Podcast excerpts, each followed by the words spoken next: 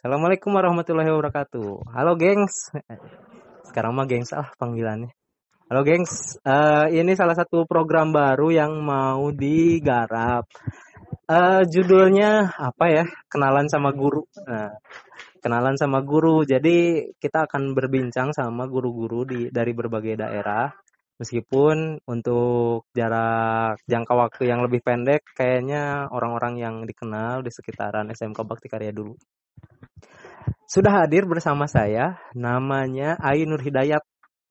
Bapak Ainur Hidayat ini, Ainur Hidayat tambahannya SIKOM-nya. Sarjana. Sarjana ilmu kompleksitas. Konspirasi. Kenalan dulu, eh, perkenalkan nama, alamat, nggak uh, usah alamat lah bisa ya ngontroknya bisa ya membakar rumahnya. Jadi ini uh, nama profesi kemudian biasa hobi kayak gitu gitu saya Ainur Hidayat saya pemerhati pendidikan. Hey, pemerhati. Kali, praktisi praktisi praktisi biar nggak dikatain orang luar terus ngomong mulu lo buktinya mana? gitu Karena kalau pemerhati seolah-olah jauh gitu ya. Iya, perhatian. Perhatian mah perhatian enggak, gitu. gitu. Iya. Ngubah enggak ngamatin mulu ya kan komentari teori bejibun gitu. Kebanyakan teori lu gitu. Enggak mengubah apa-apa. Uh -uh. Ya gimana? Kalau profesi Eh, ini podcast inisiatif. Eh, saya punya brand yang bagus ya sebetulnya. Cuma sayangnya orangnya tidak pandai untuk memanfaatkan brand itu. Iya, nah, jangan pengamat beliau ini. Eh, pengamat sekaligus pelaku pelaku kebobrokan pendidikan. oh, Anda merasa berkontribusi pada bobroknya pendidikan di Indonesia? Wah, sangat berkontribusi, sangat berkontribusi. Hmm. Karena kan dari dulu tuh kita selalu ngobrol, sebenarnya uh, pendidikan kita tuh nggak bener karena yang ngajar itu nggak linier gitu. Nah saya juga nggak linier gitu, bukan dari pendidikan, kenapa jadi pendidik gitu? Nah itu kurang wawasan. ya dulu, dulu, dulu oh, selalu berpikirnya kan ya kalau teknisi ya harusnya insinyur gitu, sarjana teknik. Nah, sekarang dipikir-pikir ya, ya orang kan jalan hidup beda-beda ya. Jangan-jangan hmm. tuh yang harus dilakukan oleh setiap orang tuh menerima. Gitu. Tapi uh, skip bagian itu ya. Jadi uh, pertanyaan umumnya sih kenapa memilih kenapa memilih menjadi pengamat atau pemerhati pendidikan? Praktisi. Oh iya praktisi. Tapi kan Anda jarang ngajar, Bung. Lah, emang ngajar harus di kelas terus. iya sih. Iya, iya, iya, itu juga bisa jadi bagian dari sudut pandang gitu. Jadi gimana? Kenapa hmm. kenapa memilih saya untuk juga saya menjadi juga gak mau diajarin sama guru-guru yang gak mau belajar. Ai. Jadi jangan sampai sekolah dipimpin oleh atau diisi oleh guru-guru yang udah merasa cukup. Eh, benar benar benar. Iyalah.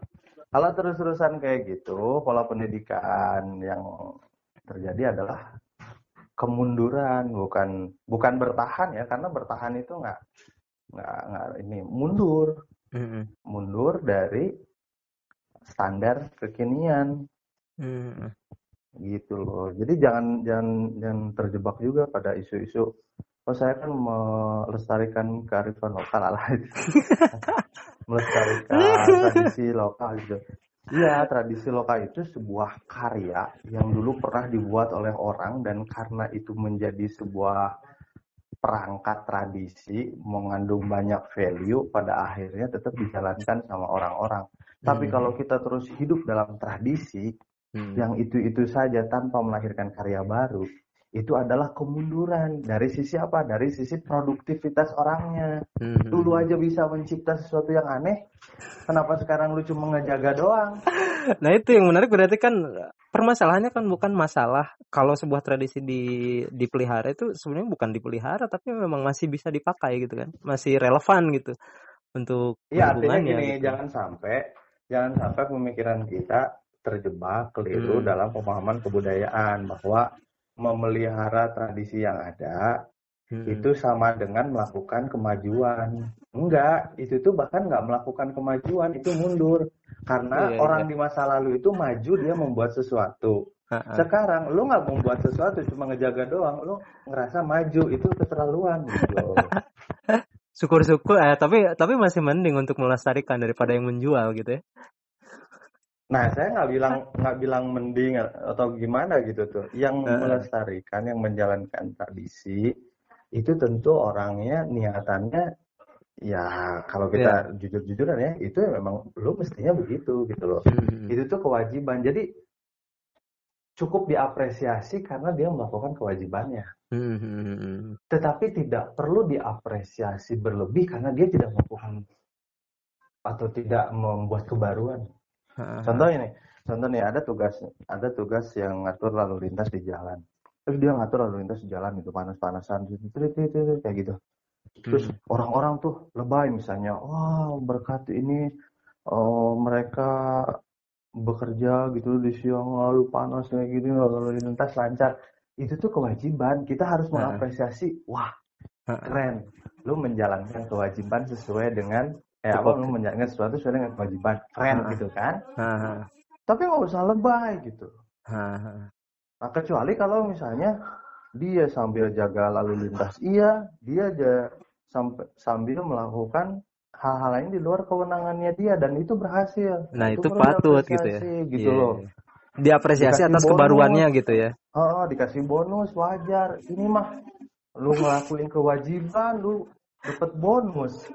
Kan aneh. Ha-ha. Nah, Mungkin- kalau didengar sama orang-orang yang tapi mohon maaf ya ini, ini di misalnya nih ada satu fenomena di wilayah perpajakan misalnya target pajak 1 m gitu. Hmm. Kalau nyampe 1 m ini misalnya, Nah. kalau nyampe 1 m targetnya eh, dia dapat bonus gitu. Hmm. Lah, menurut gue itu nggak usah pakai bonus kan targetnya segitu. Kecuali kalau lebih gitu ya. Oh, kok kok orang taat bayar pajak yang yang yang seneng malah Yang ya, dibayarin pajak. pegawainya gitu Ah. loh. Bener oke ya. Sebenarnya harusnya yang diapresiasi orang yang bayar pajak ya. yang dapat bonus di mana-mana juga yang melampaui kewajibannya. Ini mah ada juga yang dia melampaui kewajib apa melampaui atau melakukan sesuatu di luar kewajibannya gitu ya. Keren Mhm. gitu. Tapi kewajibannya nggak dijalanin. Terus dia apakah berhak mendapatkan bonus? Ya enggak gitu. Ha-ha. Ya, ya biasa aja gitu. Kan kewajiban aja nggak dipenuhin. Iya, iya. iya. Oh iya, Tapi ini balik lagi ke pertanyaan tadi yang belum terjawab ya. Mungkin Apa? mungkin sebenarnya secara implisit terjawab, tapi pertanyaan kenapa menjadi praktisi pendidikan itu? Ya kalau sekarang mengamati pendidikan kan udah dari dulu. Heeh. Sudah Nah, itu sebelum kayaknya- sebelum punya sekolah ya. Kayaknya memang ada praktek-praktek di pendidikan yang, aduh ketinggalan zaman banget sih lo gitu. Terus, Heeh. eh, aduh kok nggak, kok kayaknya nggak serut ya. Aduh Iya. kok kayaknya masalah itu nggak terselesaikan ya. Ah, Ah, aduh ah. kok masa, akhirnya tum- tumbuh keinginan untuk, oh ini harus ngambil nih. Hmm. harus ngambil ah, bagian di dalam melakukan perubahan. Hmm. hmm, Jadi istilahnya Anda ini bisa nyetir, bos. Hmm. Terus ada begitu banyak orang yang nyetir bis misalnya. Nah, Tapi nyetirnya nggak benar gitu. Wah, ini kalau misalnya dibiarin terus bahaya. Ya udah nyetir ah gitu loh. Jadi ah. ah, Jadi itu kan- ibaratnya mungkin kalau dikaitin sama yang tadi gitu ya. Eh iya semuanya memang berjalan sesuai dengan tradisi yang ada gitu. Orang ngajar di pendidik, masuk kelas, ngajar ya kayak gitu-gitu aja. Tapi kita tuh butuh lebih untuk bisa diapresiasi gitu. enggak gini gini gini gini. Saya clearkan ya. Ah, kalau kaitannya dengan yang tadi.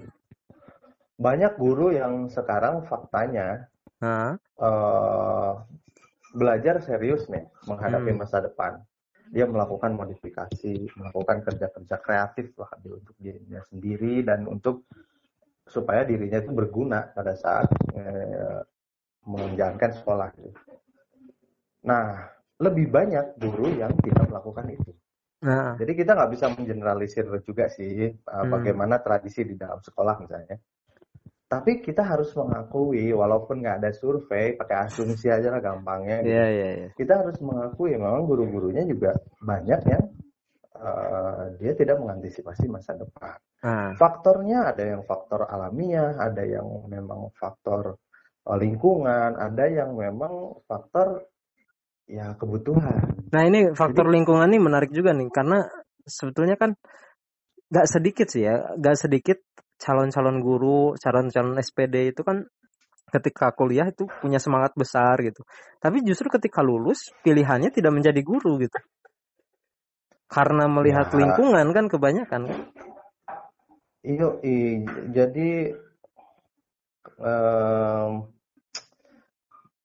beda beda pe- pemahaman ya antara mengayomi orang yang memang mengayomi mau melakukan sesuatu Hmm, untuk perubahan baik untuk dirinya maupun untuk orang lain gitu.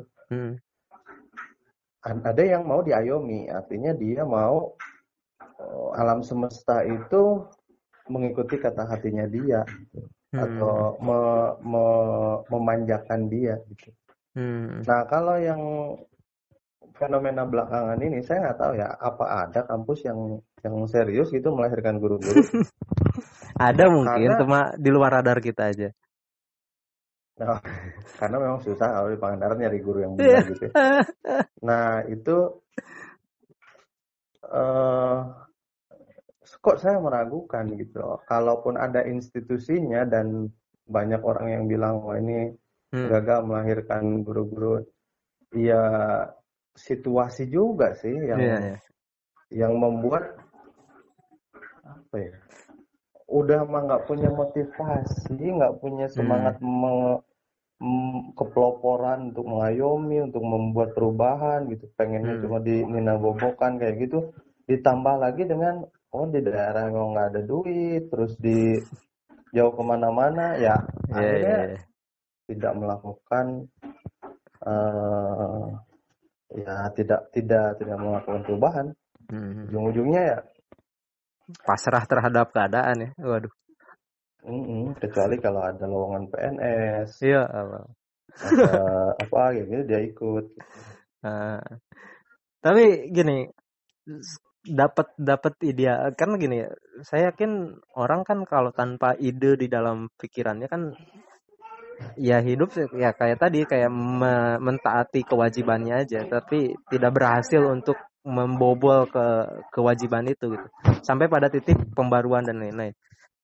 Eh, Kang Ai sendiri dapat ide tentang pendidikan itu harus terbarukan, harus mendobrak zona nyaman itu dari mana?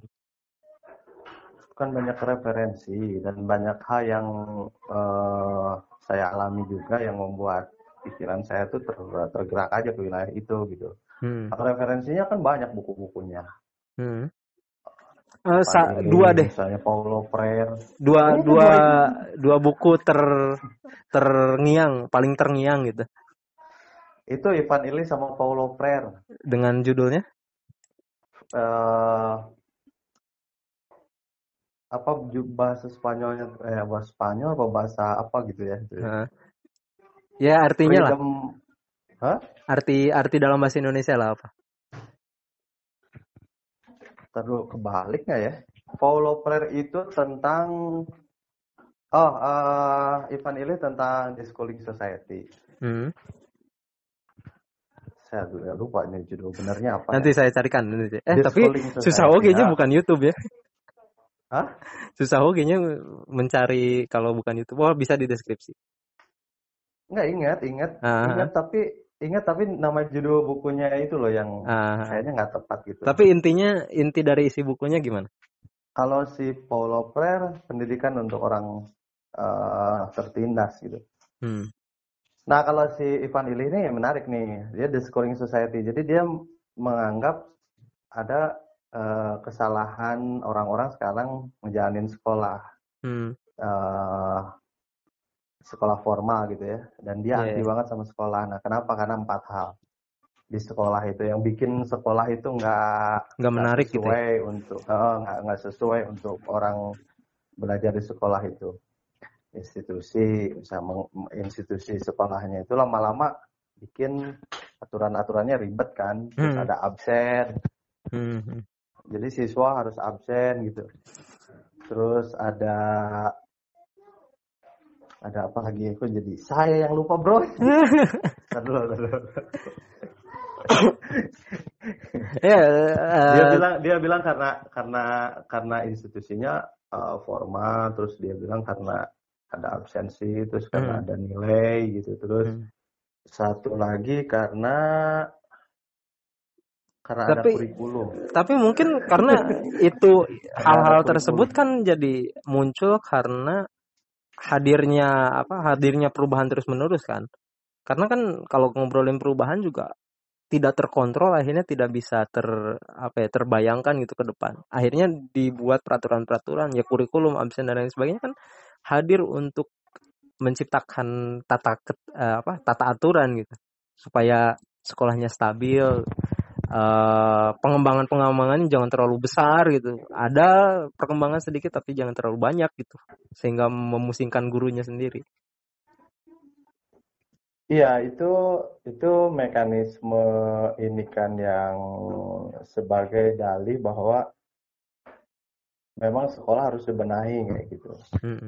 Nah, dan kalau misalnya benar ideal me- menampung progresivitas terus eh, membuka terhadap sesuatu yang baru, ya sekolah juga bagus gitu loh. Mhm. Cuma umumnya kenapa kenapa eh, menurut Ivan ini sekolah ini cuma alat industri, alat eh, malah untuk eh, apa? Menjawab kebutuhan itu.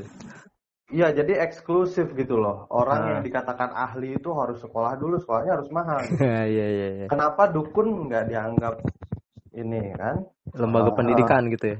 Oh, oh, legitimasinya ini dibajak gitu loh. Ah, ah, Nah, sementara eh, tahu sendiri kan sekolah kedokteran misalnya, ah, ah. ya kan butuh duit gitu loh. Tapi kan Terus- itu kan permasalahan modal bahwa belajar belajar ilmu tersebut kan harus memiliki alat gitu. Ya sederhananya kayak kalau kita mau reparasi laptop kita sendiri bisa, cuma kan alat, kemudian pengalaman, kemudian setidaknya spare part spare part kan itu butuh modal. Sehingga kalau dilakukan sendiri itu tidak mungkin, makanya hadir Nah, lembaga lain gitu. betul. Nah, sekarang pertanyaannya kalau nggak lewat lembaga itu, tapi menyiapkan banyak hal terus tiba-tiba jadi ahli, diakuinya Nah, itu sih. Eh meskipun iya, ada iya. paket C ya, tapi tidak ada paket D untuk paket D untuk kedokteran ya. Iya, sekarang misalnya dokter nih udah meneliti apa, udah meneliti apa misalnya. Ah, Eh, terus dia wah udah pakar lah di satu bidang.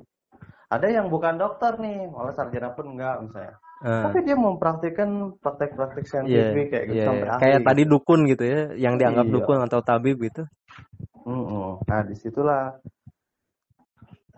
eh dia meng- mengarah ideologinya itu ke ini di Hmm. masyarakat itu kalau bisa sih nggak usah ada sekolah itu. Hmm. Jadi udah ada lah sekolah itu di mana aja dan di keluarga di Ah, dan kapan pun gitu loh nggak usah nggak usah dibikin formal begitu harus absen harus apa hmm.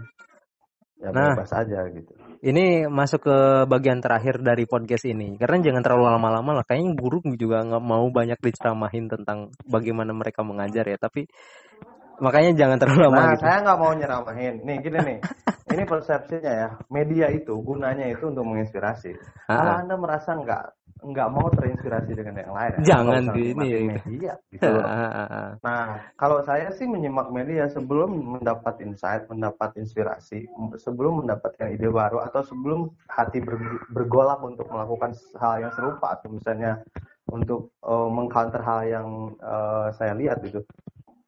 Baru berhenti gitu. Ah, ah. Itu kalau kalau kalau nggak punya rasa itu ya ngapain lihat media gitu Iya. podcast diikuti podcast inisiatif Iya. tidak ada yang menonton kecuali kalau di share. Tapi ini eh, masuk ke bagian terakhir tetap aja harus bagian terakhir kan karena harus dibatasi juga kuota telepon boy. Hmm. Pra bagian terakhirnya kalaupun kita memang harus berubah gitu. Ah. ad- eh, tips apa yang sebenarnya bisa dilakukan oleh guru gitu khususnya guru ataupun siswa sih dalam belajar ataupun dalam mengajar ada nggak punya Hmm. satu apa sampai lima deh 1 sampai 5 tipsnya tips gitu. enteng doang, enteng Ah. doang. Misalnya kita memikirkan sesuatu, Ah, udah terpikirkan, itu dieksekusi. ah, Jangan cuma dipikirin doang.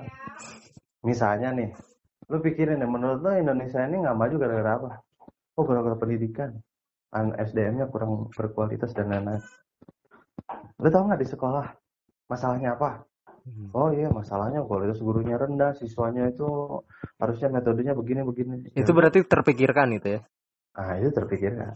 Nah, Nah, udah terpikirkan kan? Udah tahu kan solusinya kira-kira gimana? Udah tahu. Ya udah, jalanin lah. nah. Jangan malah nulis buku gitu. maksudnya apa? Iya, terus bukunya dijual sama orang lain, terus orang lain melakukan itu dianya sendiri enggak. ya, ya, Dalilnya ya, ya. Oh saya kan penulis katanya bukan praktisi. Ah, ya, ya, ya. Nah, itu itu tuh aduh, itu tuh Apologia terburuk ya. gitu loh. Dia harus nunggu berapa lama supaya sampai ada orang yang mau baca buku dan mau mengubah keadaan itu Ah. masalahnya. Benar, benar, benar. Jadi pikirkan, sudah dipikirkan, lakukan gitu ya. Iya, dianalisa, di ini, di Ah. ini. Ah, ada simpulannya nih. Digawe, digawean. Gitu Oh, kan. Tapi mungkin logika itu yang harusnya diterapkan sama calon sarjana di bidang pendidikan gitu ya.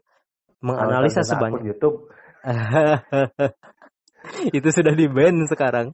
Tapi maksudnya harusnya mungkin itu yang harus di-trigger dari setiap mahasiswa gitu. Ayo temukan permasalahan dan cari solusi dari itu gitu. Bukan malah udah ketemu nih masalahnya, ya ya udah malas lah jadi guru gitu. Atau mungkin kayak Hmm. saya gitu, udah masuk ke ngebahas apa ngebahas tentang media, tentang radio, udah tahu semua permasalahannya, malas jadi pekerja di dalam bidang itu.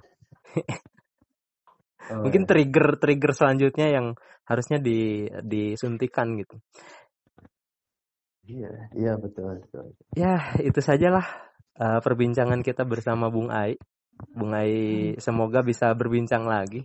Karena ini podcast ya bukan teleponan biasa. Jadi ya perlu diakhiri. Jadi sampai jumpa. Kita ketemu lagi bersama dengan guru-guru dari banyak sekolah lainnya. Selamat siang. Assalamualaikum warahmatullahi wabarakatuh. Waalaikumsalam. ya begitulah